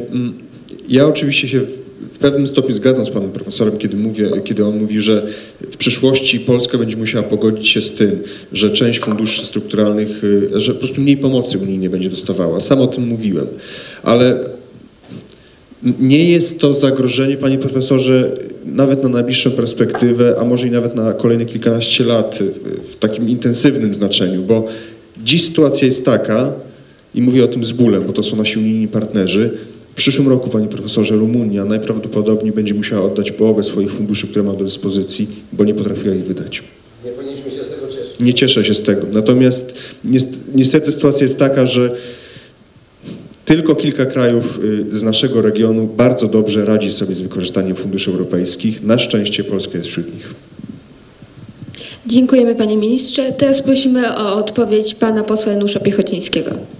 No, po pierwsze nie czuję się w elicie intelektualnej PSL-u, bo jak wiadomo jestem w opozycji głębokiej do Waldemara Pawlaka i z nim rywalizuję, ale jestem skromnym ekonomistą po SGH, historykiem gospodarczym, a jednocześnie facetem, który od 20 lat dużo więcej czyta, pisze, analizuje niż mówi, nawet w takiej szybkiej formie. Więc y, oczywiście nie sprowadzam, że kryzys jest przyczyną globalizmu. Na naszych oczach załamał się model ekonomiczny i liberalnego kapitalizmu i nie tylko y, wpadka Enronu czy upadek Lehman Brothers, to jest pewien mechanizm. Upadek dolara, spadek znaczenia gospodarki anglosaskiej, wzrosty nowych potęg gospodarczych, które op- opierają zupełnie swoją gospodarkę na innym rachunku. Kapitalizm demokratyczny stoi przed wielkimi znakami zapytania, a kapitalizm mało demokratyczny idzie do przodu i to jest wyścig z czasem, czy Szybciej w Chinach będzie 300 dolarów robotnik chiński zarabiał i Europa się uratuje i wróci do nas część produkcji, czy nie. Jeśli stawiamy dzisiaj postulat reindustrializacji Europy, a nawet reindustrializacji Polski, jeśli wiemy, że w Polsce sytuacja jest pochodną gospodarki niemieckiej, drugiej po chińskiej gospodarki proeksportowej na świecie, a my jesteśmy jej jednym z głównych podwykonawców, to już wszystko wiemy. A w pr- procesach globalnych warto sobie przypomnieć następującą analizę. Inwestycje kapitału Korei Południowej w Polsce za ostatnie 20 lat miliard 700 milionów dolarów. Rok 2010 eksport Korei Południowej do Polski 4 miliardy, eksport Polski do Korei dwa- 200 milionów, głównie żywność. Oni do nas importują podzespoły do swoich czterech czy pięciu montowni, które, uwaga, zatrudniają zawsze stale poniżej 5 tysięcy, więc żebyśmy tutaj tu byli. Po drugie, cieszę się, bo dzisiaj mój syn obchodzi 18-letnie urodziny, że krytycznie możemy spojrzeć na bilans dwudziestolecia i kiedy mówiłem o tym, że jesteśmy nieprzygotowani, to mówiłem, kierowałem to do całej władzy publicznej, także do polskiej demokracji, regulacji, administracji ostatnich 20 lat, bo jeśli w 2007 roku po przyznaniu Polsce i Ukrainie przez pół roku trwało audiotele, gdzie ma być posadowiony stadion narodowy, a przypomnę, byłem jedynym politykiem, który powiedział, żeby nie budować dwóch stadionów w Warszawie, tylko doprojektować. Jedynym politykiem, który powiedział prezydentowi Gdańska, że bez sensu jest budowa nowego stadionu, bo to, co się we wstępnej analizie, czyli między 8 a 12 milionów zysku dorocznego, który ma zyskiwać miasto Gdańsk za wybudowanie stadionu, a już wiemy jak będzie, to, to po prostu pokazuje. Stąd ja z wielką wagą przeanalizowałem doświadczenia y, Szwajcarii i Austrii. Uwaga, oni zrobili euro na starych stadionach. Portugalia zrobiła na nowych, jeden już zamknęła, Chiny po olimpiadzie się, w związku z tym, ale uwaga, te inwestycje nie były pod euro. Pod euro były tylko stadiony. A pod euro w 2008 niektórym inwestycjom nadaliśmy znaczek euro, stworzyliśmy taką dodatkową presję. No i wiemy, z jaką skutecznością realizujemy. Jestem w tym zespole, bo powstał ten raport pod moim kierunkiem, który w roku 2007 napisał, pod pewnymi warunkami, przy wzroście pewnej motywacji będzie w drogach krajowych 50-60%, kolei 40-50%, a w dworcach 30%. Sprawdzamy? 150 inwestycji z udziałem środków unijnych w latach 2004-2007 osobiście przeanalizowałem, jak miało być, kiedy było, kiedy przetargi, kiedy opóźnienia i tak. W związku z tym świetnie wykorzystujemy, czy lepiej wykorzystujemy środki unijne, ale pewnie moglibyśmy inaczej. I przypomnę moje wielkie spory publiczne z ministrem, wicepremierem Hausnerem, który namnożył tych działań. Wtedy mówiłem, że te środki powinny być inaczej zrobione, stąd między innymi moja propozycja, żeby nie iść drogą Dąbrowy Górniczej, która w dalszym ciągu jest miastem bankrutem, bo sobie Aquapark zrobiła za własne pieniądze pożyczane, tylko żeby iść bardziej racjonalnie, bo uwaga, z tych 60 tysiąca przyrostach urzędników w ostatnich latach publicznych jest między innymi wzrost tych budowy nowych muzeów, basenów i tak dalej, i tak żebyśmy to czytelnie robili. No i teraz przechodzę do tego najważniejszego pytania, a więc ten kryzys. Kryzys do Polski wchodził później, dlatego że po pierwsze Polska gospodarka była bardzo elastyczna i po wejściu do Unii zaskoczyła w różnych obszarach. Na przykład w transporcie międzynarodowym drogowym staliśmy się drugą potęgą po Niemczech, a więc mieliśmy dużą efektywność. Po drugie, mieliśmy duży optymizm, bo te środki, dobra opinia, także napływ kapitałów zagranicznych, bo byliśmy krajem, który w Europie miał y, w miarę systematyczne i wysokie na tle innych przyrosty. Po trzecie, procesy prywatyzacyjne. No i po czwarte, niższe ceny energii, niższe ceny robocizny dawał ten efekt. Plus transfery dwóch milionów Polaków, którzy wybrali się tam na Saksy i pamiętali o tym, że mieszkania kupuje się tu, bo zakładali, że pojadą tam na krótko, zarobią i wrócą. No i powiedzmy sobie wprost, że ten kryzys zaczął do nas wchodzić w roku 2009. To była ta decyzja budżetowa, o której mówiłem. My podtrzymaliśmy te procesy. Ale na co zwracam uwagę? Żaden, pa, żadne państwo nie może budować strategii transportowej czy przemysłowej w oparciu o środki zewnętrzne. Dlatego, że proszę zwrócić uwagę, gdzie my inwestujemy środki w infrastrukturze. Głównie na korytarzach europejskich. W przypadku polskiej gospodarki nie są to najważniejsze często szlaki komunikacyjne, bo to są głównie szlaki komunikacyjne dla państw ościelnych albo dla ruchu pasażerskiego. Stąd polecam moje raporty, choćby z ostatniej konferencji w Sosnowcu. E, Warto się nad tym e, zastanowić. Teraz sprawa kluczowa jest taka. Infrastruktura wybudowana też kosztuje. Proszę zwrócić uwagę, jakieś było zdumienie naszych polityków, urzędników, także w Generalnej Dyrekcji, kiedy inicjatywa Jaspers przypomniała, że kiedy skończymy z programu operacyjnego Infrastruktura Środowisko przebudowę, budowę 2,5 tysiąca kilometrów, to uwaga, rocznie, bo takie zobowiązanie mamy, na ich utrzymanie trzeba wydać nie mniej niż 270 milionów euro. Razy 4 to jest miliard. A ile Polska wydaje na 16 do 18 dzisiaj, czy 19 z kawałkiem tysiąca kilometrów drogowych na bieżące utrzymanie? No właśnie miliard. Czyli proszę zwrócić uwagę, że także w tej nowej polityce, o czym świadczy ten nowy program CEF łącząc Europę bardzo wyraźnie, jest także próba wciągnięcia do realizacji celów także z polityki spójności, polityki bezpieczeństwa, łączenia systemów energetycznych, jest próba także wciągnięcia kapitału prywatnego. Była w polskiej e, rzeczywistości rządowej, na szczytach rządów taka teoria, że co prawda z budżetu będziemy wydawać mniej, ale wejdziemy mocniej w partnerstwo publiczno-prywatne i podtrzymamy. Po czym co? Poszło zapytanie do Eurostatu, A chłopaki z rządu, niestety panie ministrze, nie czytali nowego systemu zarządzania i sześciopaku i rygorów deficytu budżetowego. No tak się składa, że paru gramotnych posłów jeszcze czytuje takie dokumenty i ze światem nauki bardzo szczero, szczerze podczas takich konferencji rozmawia. No i dostaliśmy proste. Nie będzie partnerstwo publiczno-prywatne y, mechanizmem y, wyprowadzania długu publicznego poza budżet państwa. Te rygory są coraz e, mocniejsze i w tym Polska także będzie uczestniczyć. Proszę zwrócić uwagę, mówiliśmy tutaj o Janosikowym, ale minister finansów patrząc na, bo to jest podstawowy cel, równowaga makroekonomiczna, zaczął dobierać się do limitowania wydatków samorządów a to jest tylko 6 do 8% deficytu finansów publicznych. A jak znacznie może wpłynąć? Ja nie mówię, że to, ja tu nie składam donosu na własny rząd czy na własnego ministra finansów, ja tylko pokazuję przed jakim wyborem staje dzisiaj polska demokracja, polska polityka, polscy urzędnicy, polscy świat nauki. I jak te, w tym, tej gospodarce niedoboru środków będzie coraz trudniej te parę rzeczy zrobić. No i teraz proszę zwrócić uwagę. Mówiło się w roku 2009, że co prawda, czy 2008, że co prawda w, w, w budowlance kredytu deweloperskiego zaczyna być spowolnienie, ale pójdą deweloperzy na drogi. No i kto poszedł? Nikt. Później się mówiło, że na, w drogówce już kończymy pieniądze, pójdą na kolej. No ale przecież wszyscy o tym dobrze wiemy, że trzy lata, trzy lata z powodów deficytu budżetowego i równowagi makroekonomicznej minister finansów z pełną premedytacją opóźniał zabezpieczenie wkładu własnego do środków na pociągnięcie pieniędzy na kolej. I my dzisiaj strzelamy do tych nieszczęsnych kolejarzy, mówimy im, że mają te projekty, nie mają, po części jest to prawdą, ale skoro polskie linie kolejowe nie dostały wkładu na etapie przygotowawczym, a uwaga, przygotowanie inwestycji kosztuje także z punktu widzenia roszczeń społecznych. Proszę pośle, Państwa, pod Warszawą nikt nie chce sprzedać za 230 zł metra kwadratowego ziemi rolnej bez prawa zabudowy. Ja uczestniczę w tych spotkaniach, tam się mówi o kwocie 500-800 zł, mimo że rynek e, sprzedaży ziemi się dramatycznie załamał, bo skoro inwestycja, obwodnica Raszyna kosztuje 1,5 czy tam 2 miliardy, to dlaczego ja, właściciel kawałka gruntu, nie mam wziąć? No, w związku z tym te media są pełne takich pikantnych szczegółów. I teraz pokazuję jakby to wyraźnie, że sprawą kluczową z tych, czy to będzie 250, zwracam uwagę, że już nie 8 płatników netto, ale 11 uzgodniło między sobą, że będzie hamowało wzrost budżetu Unii. W związku z tym to jest ostatnia perspektywa, w której my będziemy istotnym płatnikiem netto, na to się zanosi, a w mojej tak, a beneficjentem netto, a w mojej ocenie może się okazać, że będzie to pierwsza perspektywa, w którym roku 2014 nie będziemy mieli budżetu wieloletniego Unii, ale prowizorium, dlatego że konflikty polityczne będą na tyle silne, że, bo proszę zwrócić uwagę, jak teraz jadą politycy, nie tylko nasi do Brukseli, nie jadą tam budować porozumienia, jadą walczyć o swoje interesy i wcześniej ogłaszają, jak Cameron się zachowuje, jak Sarkozy się zachowuje, jak tu popatrzmy także nasi politycy, jak się zachowują. Następuje radykalizacja i patrzenie na Unię i na Komisję Europejską jako coś, z którym trzeba walczyć i wydzierać. Panie pośle, bo chcielibyśmy mieć jeszcze czas na pytania z sali, dobrze? Także dziękujemy bardzo za odpowiedź, a teraz poprosimy o odpowiedź e, pana Michała Bejma. Proszę Państwa, kwestia wykorzystania e, środków e, czy szansy na rozwój infrastruktury zawsze ma jakby to powiedzieć dwa oblicza. Jedno oblicze, o którym, które reprezentuje Pan Minister e, Rozwoju Regionalnego, a mianowicie sprawność tej absorpcji środków.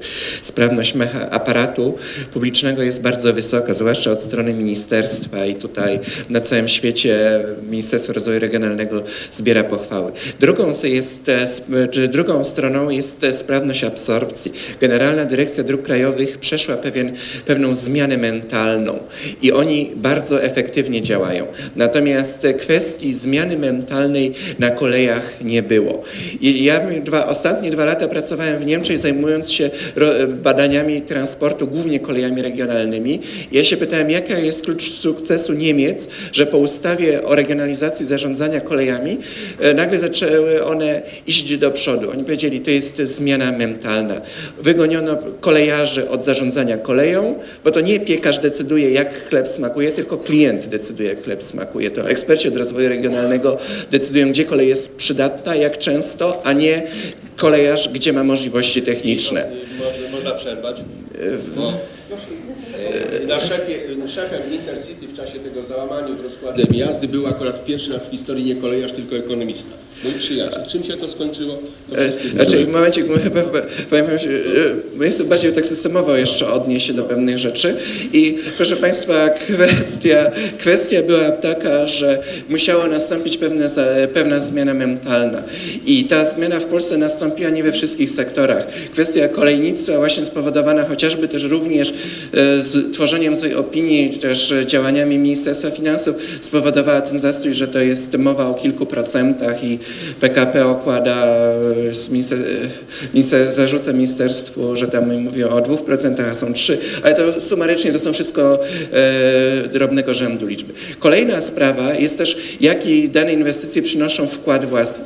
Ja bym Państwa odesłał do takiego raportu, bo ja doktorat robiłem na temat rozlewania się przestrzennego miasta. Odesłałbym do Państwa do raportu e, Europejskiej Agencji Ochrony Środowiska z 2006 roku, która alarmowała, że wiele pieniędzy unijnych wówczas w krajach starej Unii Europejskiej, bo on dotyczył właściwie lat po pierwszej, e, pierwszej połowy e, e, poprzedniej dekady, mówił, że wiele tych inwestycji nie daje efektu dla rozwoju aglomeracji miejskiej, tylko podnosi koszty funkcjonowania. Nie tyle, że mamy nową infrastrukturę, którą musimy utrzymać, jak to pan poseł Piechociński mówił, ale również ludzie się wyprowadzają, to trzeba dociągnąć nowe wodociągi, podnieść cenę wody, zmienić cały system energetyczny, gazowy i tak dalej, i tak że łączne koszty funkcjonowania takiego systemu w skali miejskiej są dużo, dużo wyższe. W Polsce praktycznie nikt nie zadaje sobie mm, trudu odpowiedzi na to pytanie.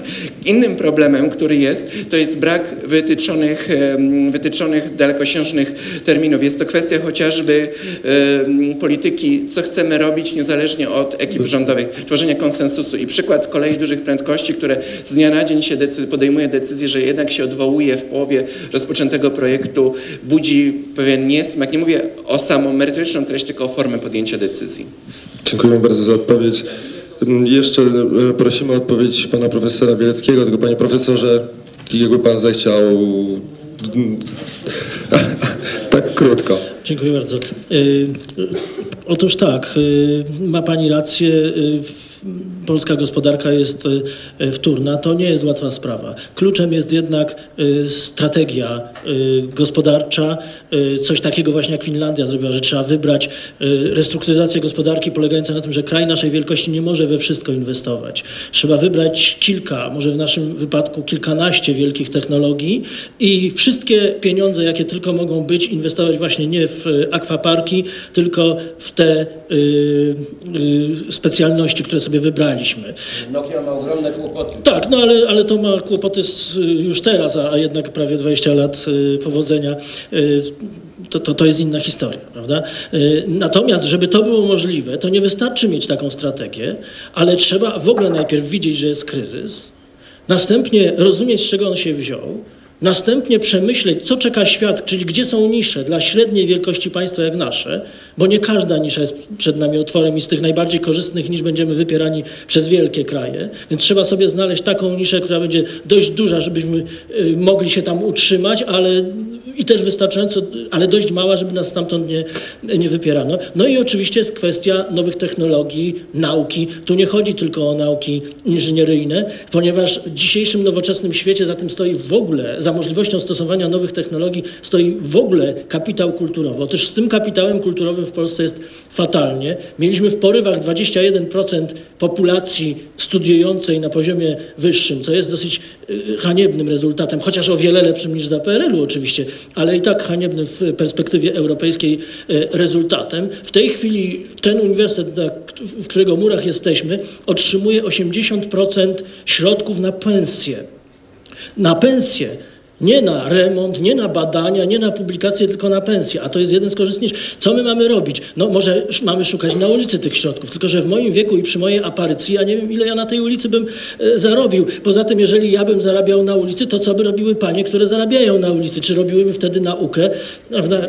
Nie wiem, czy wytrzymały konkurencję w ogóle ze mną. E, otóż... Każda potwora znajdzie swego amatora kiedyś. Trochę mnie pan pocieszył, ale, ale nie bardzo. Y, otóż y, y, ja mogę powiedzieć z własnego podwórka, tak naprawdę szykuję książkę o przyczynach tego kryzysu ekonomicznego, taką socjoekonomiczną, o tym, co może być z nim dalej, jakie strategie. Nikt nie jest tym zainteresowany. Ja nie mogę tych badań robić, bo żaden program istniejący w Polsce nie zechce y, tego dofinansować. Po prostu nikt nie jest zainteresowany dowiedzieć się, co jest przyczyną tego kryzysu, i co można Ja dam panu dobry pomysł, jak pan napisze książkę, to samo, tylko pod tytułem Seksa, kryzys światowy. O, dziękuję uprzejmie. Jak to dobrze koło mądrego profesora siedzieć, prawda? Może coś z tego wyjdzie. Y, Nie ma zespołów badawczych, bo one zostały rozbite, ponieważ kiedyś była taka struktura, że profesor miał adiunktów i asystentów, których wychowywał od, przez magisterium aż do y, ostatnich swoich dni. Otóż dzisiaj jest taki system, że od razu są konkursy dla doktorów, każdy przychodzi ze swoimi zainteresowaniami wobec tego. W związku z tym ja nie mam żadnej szansy w macierzystej uczelni stworzyć zespołu. To jest oczywiście koniec szkół wielkich, takich jak Lwowsko-Warszawska, już nie będzie. No, no, więc takich y, y, smaczków można mnożyć. I teraz, no krótko mówiąc, y, nakłady na naukę i rozwój w Polsce są na y, czwartym miejscu od końca w Unii Europejskiej. Wyprzedzamy Bułgarię, Rumunię i tak dalej, i tak dalej, prawda? To jest fatalnie. Ja znowu nie strzelam do jednej bramki. Ja nie mam nic przeciwko rządzącej obecnie partii. Ja jestem profesorem, który nie należy do żadnej partii i nie chce należeć do żadnej partii, ponieważ swoją rolę rozumiem jako kogoś zupełnie niezaangażowanego właśnie i każdą partię poprę, która przedstawi y, strategię y, radzenia sobie i żebym widział, że, że za tą strategią stoi rozumienie istoty tego kryzysu i że w tym jest jakiś pomysł. To poprę całym sercem. Na razie niestety nie za bardzo, y, nie za bardzo widzę, co oczywiście może wynikać z tego, że z wiekiem tracę wzrok, czego Państwu nie życzę w żadnym wypadku. Dziękuję bardzo. Dziękujemy Państwu bardzo za odpowiedzi na te pytania. E, Teraz mm, jeszcze chwila na krótkie odpowiedzi, na krótkie pytania i krótkie odpowiedzi e, dla uczestników. E, Proszę tak właśnie podnosić ręce, a tam mikrofony będą krążyć, tylko z racji na godzinę, piątek i, dokrąży. i czas naszych panelistów prosiłbym, żeby to były naprawdę krótkie, zwięzłe pytania. E, Dzień dobry, Paweł Mazur. E, Ja chciałem zapytać, czy nie uważają panowie, że za jakieś 50 lat e, inaczej spojrzymy na fundusze europejskie, które teraz uważamy za mm, rzecz na pewno bezwarunkowo dobrą, bo moim zdaniem działają one jako taka trochę pompka na polską gospodarkę, sprawiają wrażenie, że rozwija się ona świetnie, że wszystko jest idealnie, zniechęcają do podejmowania jakichś realnych działań, które sprawią, że ta gospodarka będzie bardziej konkurencyjna, do na przykład obniżania kosztów pracy, a kiedyś te fundusze się skończą, zostaniemy ze starą, nieefektywną gospodarką, bez takiego źródła taniego pieniądza, które w tę gospodarkę będziemy bez końca pakować i zostaną nam z tego tylko y, no, chociażby te aquaparki albo kampusy uniwersyteckie w nieumniejszając Myślenicach, które y, no, do rozwoju polskiej gospodarki nijak y, się nie mają. Dziękuję bardzo. Czy panowie uważają za realne, że w najbliższych latach y, zmieni się nastawienie do monopolii i konkurencji? To znaczy, czy jest szansa na to, że monopol przestanie być przestrzegany jako coś złego, a w niektórych przynajmniej sferach działalności gospodarczej y, zacznie być traktowany jako coś dającego szansę na efektywne planowanie długookresowe i rozwinięcie tego, czy wobec współczesnych możliwości pozyskiwania szczegółowych informacji nie nastał czas przywrócenia planowania nakazowo-rozdzielczego rzeczowego y, i y, zastąpienia nim obecnego planowania finansowego. Dziękuję. Dzień dobry, Bartłomiej Kobliński, Koło Naukowe Prawa Międzynarodowego i Europejskiego, działające przy Uniwersytecie Kardynała Stefana Wyszyńskiego. Ja mam takie pytanie, czy panowie się spodziewają, to pytanie było pierwotnie do profesora Wielskiego, czy panowie się spodziewają wkrótce nowego kryzysu? Ja mam trzy, trzy fakty. Mówiono dzisiaj bardzo dużo o e, przyszłych dotacjach z Unii Europejskiej, że one nie będą tak dużo mniejsze, jak było planowane. Ale z tego co wiem, to zmienia się, zmienia się, zmieniają się cele, na które będą przeznaczone te dotacje i to będą innowacje. Mm, Dzisiaj nie, padło jeszcze, y, mm, nie padły takie dane jeszcze, że w Polsce liczba patentów jest porówny, w przeliczeniu na mieszkańca jest porównywalna do, patent, do podobnego wskaźnika w Korei Północnej. E, I druga, drugie dane, dru- druga rzecz, któ- która wskazuje na ten kryzys, to jest e, sprawa demografii. Niedługo wychodzi, wychodzi będzie w wieku poprodukcyjnym. No, pokolenie, pokolenie którą, osób, które urodziły się w okresie stanu wojennego. No i trzecia sprawa, która już od przyszłego roku bardzo będzie e, powodowała duże problemy, to jest sprawa gazów cieplarnianych. Dziękuję bardzo. Trafił Pan w sumie w sedno sprawy, bo jest bardzo takie mentalne zabijanie własnej inicjatywy na poziomach samorządów. Jeśli my mamy robić z własnych środków, to zawsze się pojawia opozycja, czy tam prasa, czy ktokolwiek mówi, dlaczego nie postaracie się o unijne. Dlaczego nie, potem się rodzi kolejne pytanie, dlaczego nie zrobiliście tego i tego, bo nie udało się pozyskać środków unijnych. Niestety to e, takie jest błędne koło, które na poziomie lokalnym mocno się zacieśnia i powoduje straty. Poza tym państwo nie prowadzi takich projektów, jak na przykład inne państwa unijne, jak Francja, Niemcy, na przykład wspierania samorządów z pieniędzy państwowych, nieunijnych, chociaż w zakresie transportu publicznego. To jest taki jako jeden z przykładów bardzo wielu polityk sektorowych. Następna jest e, problem e, właśnie, e, Pan poruszył kwestię chociażby kampusów uniwersyteckich. To jest przykład też myślenia takimi kategoriami o braku efektywności. Nikt nie patrzył na demografię autentyczną i dzisiaj są w wielu miastach, nawet dużych, wojewódzkich, wielkie kampusy uniwersyteckie nadal rozbudowywane, które te uniwersytety pogrążają finansowo. Przykład Niemiec. Nie- Rząd niemiecki czy też niemieckie landy wspierają uniwersytety tylko i wyłącznie wtedy, gdy uniwersytet rzeczywiście potrzebuje. Mamy wzrost organiczny, a nie sztuczne polewanie środkami unijnymi i kiedy projekt spełnia określone wymagania. Takim najprostszym przykładem może być chociażby koszt ogrzewania w- de- obiektu uniwersyteckiego, który nie może być wyższy niż 15 kWh rocznie na metr kwadratowy. W Polsce się realizuje projekty architektoniczne z lat 70. i dzisiaj większość uniwersytetów rozbudowujących wielkie kampusy jest na, na skraju trudności finansowych. Projekty staramy się wybierać tak y, w ramach programów, w ramach konkursów, w ramach poszczególnych działań, żeby inwestować, zwłaszcza jeżeli chodzi o infrastrukturę, w przedsięwzięcia, które będą polskiej gospodarce służyły przez dziesięciolecia. Wśród 70 tysięcy umów na pewno Państwo, ja, inni krytycy znajdą projekty, które były no, źle dobrane. Takie rzeczy się zdarzają, ale naszym zdaniem to nie są projekty przeważające. Naszym zdaniem lwia część projektów to są dobre projekty, które długotrwale w sposób z, łatwy do utrzymania będą służyć polskiej gospodarce, więc jestem optymistą, jeżeli chodzi o efekty wykorzystania funduszy europejskich. Co do kwestii monopolii, nie sądzę.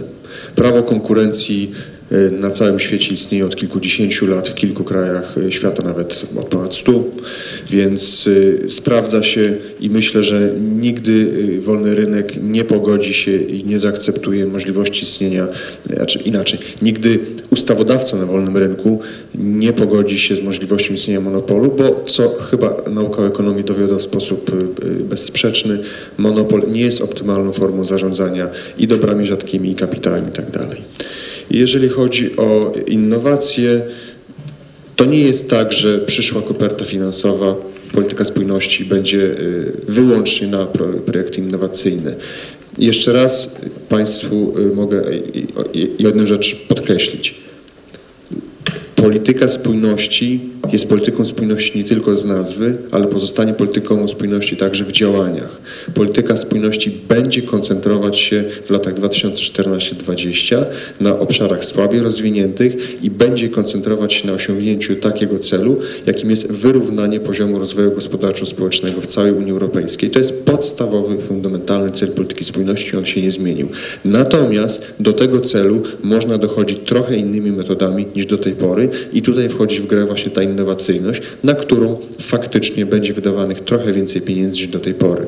Ale to nie będzie jakaś zasadnicza, fundamentalna zmiana, jeżeli chodzi o proporcje. Dziękuję. Dziękujemy panie ministrze. Na koniec poprosimy o odpowiedź pana profesora Bieleckiego. Ale zaraz, ja jeszcze chciałem coś powiedzieć. No. Tak? Dobrze, bardzo, bardzo hasłowo.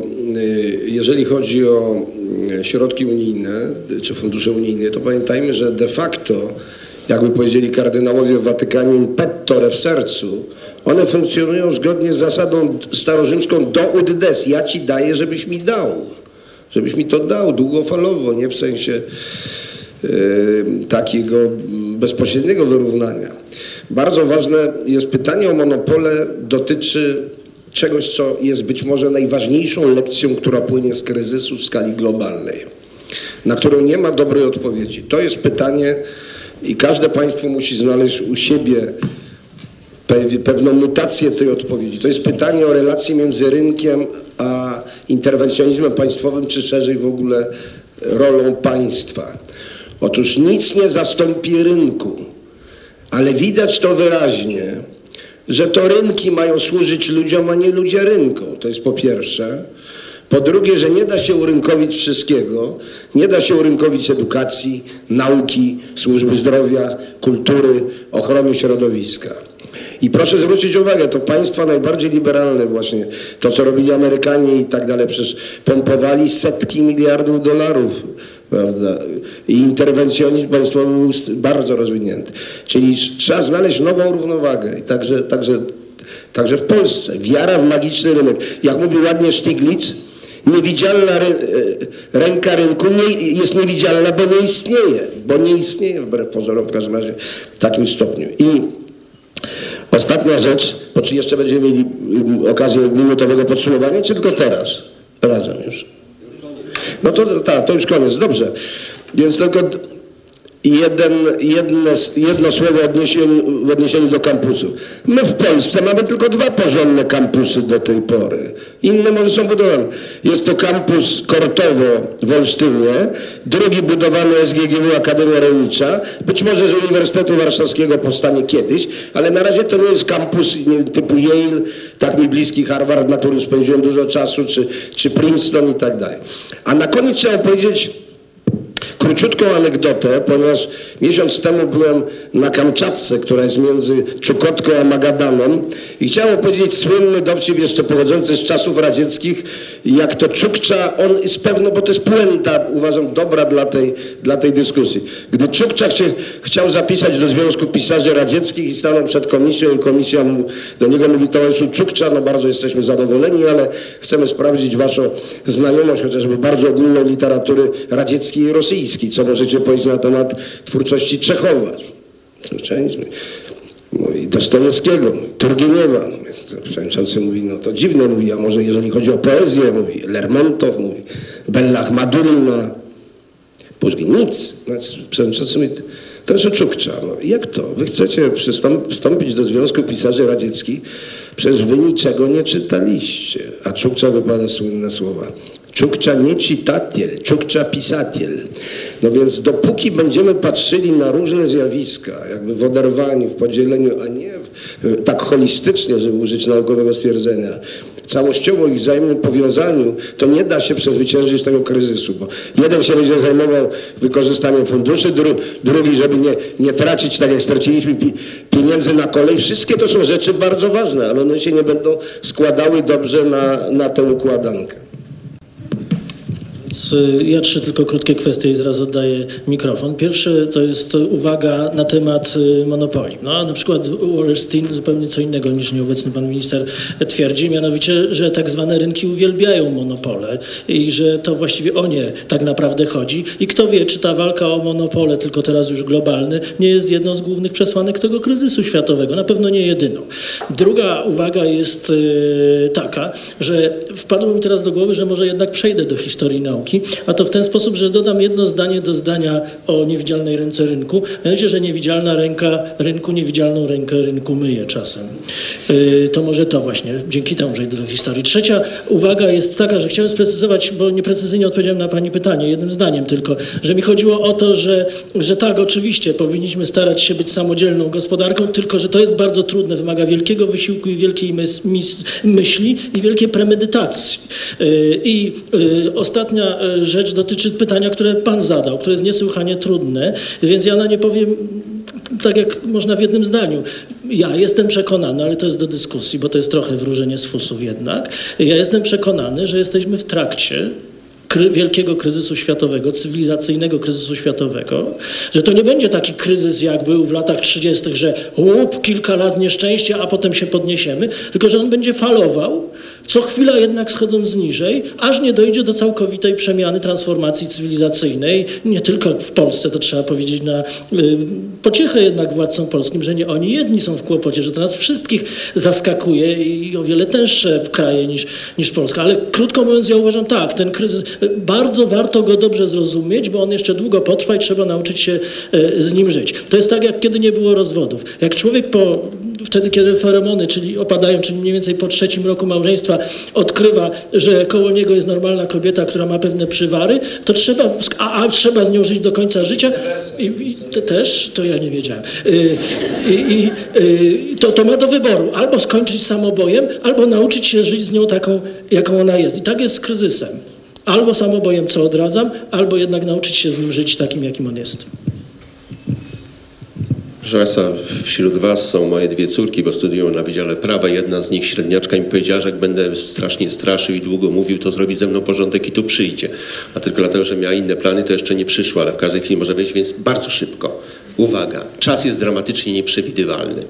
6 września 2010 Barroso w imieniu Europy ogłasza kryzys przeszedł. Wyszliśmy obronną ręką, robimy. Uwaga, nawet zapowiada kontynuację programu sztokholmskiego w planach głównych na rok 2011, kiedy Merkel ogłosiła multikulti się nie udało. W polityce transportowej Unii do 2,50 jest zapowiedź, a także uzasadnieniu dołącząc Europę, że wzrośnie dramatycznie linie dużych prędkości kolejowych. A rząd niemiecki ogłosił, wycofujemy się z programu budowy linii. Tak? I teraz zwróćcie uwagę, że to, co się rozgrywa w sensie tam polityki, legislacji, traktatów, tych międzyrządowych, pewnych tych kwestii, które wywołują tyle emocji, to jest nic w stosunku do tego, co się dzieje w, w realnej gospodarce. 88 prawa telekomunikacyjnego jest już dzisiaj stanowione w Parlamencie Europejskim. 12 to jest wkład posła Piechocińskiego i innych posłów, kiedy w podkomisji nad prawem telekomunikacyjnym pracują, a kolejna dyrektywa, na szczęście prokonsumencka nas czeka, tak? No okej. A teraz popatrzmy na to, czy już jesteśmy w stanie przenieść wszystkie regulatory i decyzje regulacyjne na poziom wspólnoty, skoro już wiemy, że kryzys przyspieszył pewne zjawiska. Kolej europejska to jest coraz bardziej DB, lotnictwo europejskie to jest coraz bardziej Lufthansa i z tego trzeba wyciągać po prostu yy, wnioski. To jest myślę, że takie kluczowe. Polecam książkę yy, Władysława Szymańskiego Kryzys globalny, pierwsze przybliżenie. To było tak na bieżąco, a teraz napisał drugą, bardzo ciekawą. Yy, nie, pamiętam dokładnie tytułu, ale coś jest w roli głównej, że jest niepewność. Otóż ja twierdzę, że kryzys będzie nam towarzyszył cały czas.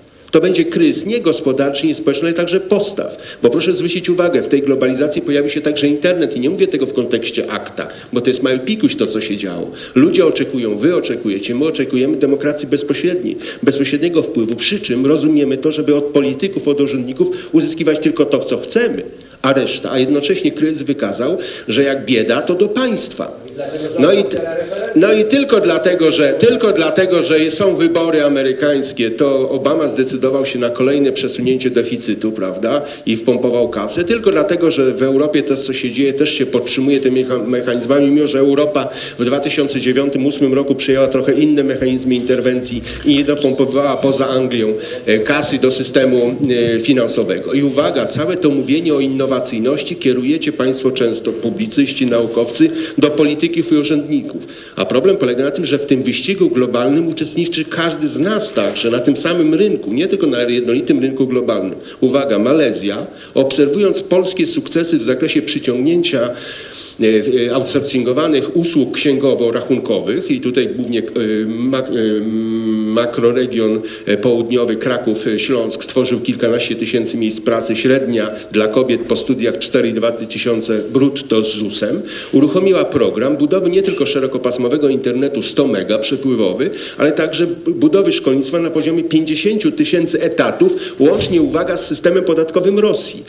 Dzisiaj, kiedy polskie firmy na zmniejszonym wolumenie inwestycji krajowych przesuwają się do Kazachstanu na wschód, ja, mając tam wielu przyjaciół w tych firmach, szefach, szukam absolwenta polskiej politechniki z uprawnieniami budowlanymi, który zna cokolwiek rosyjski ponad spasiba.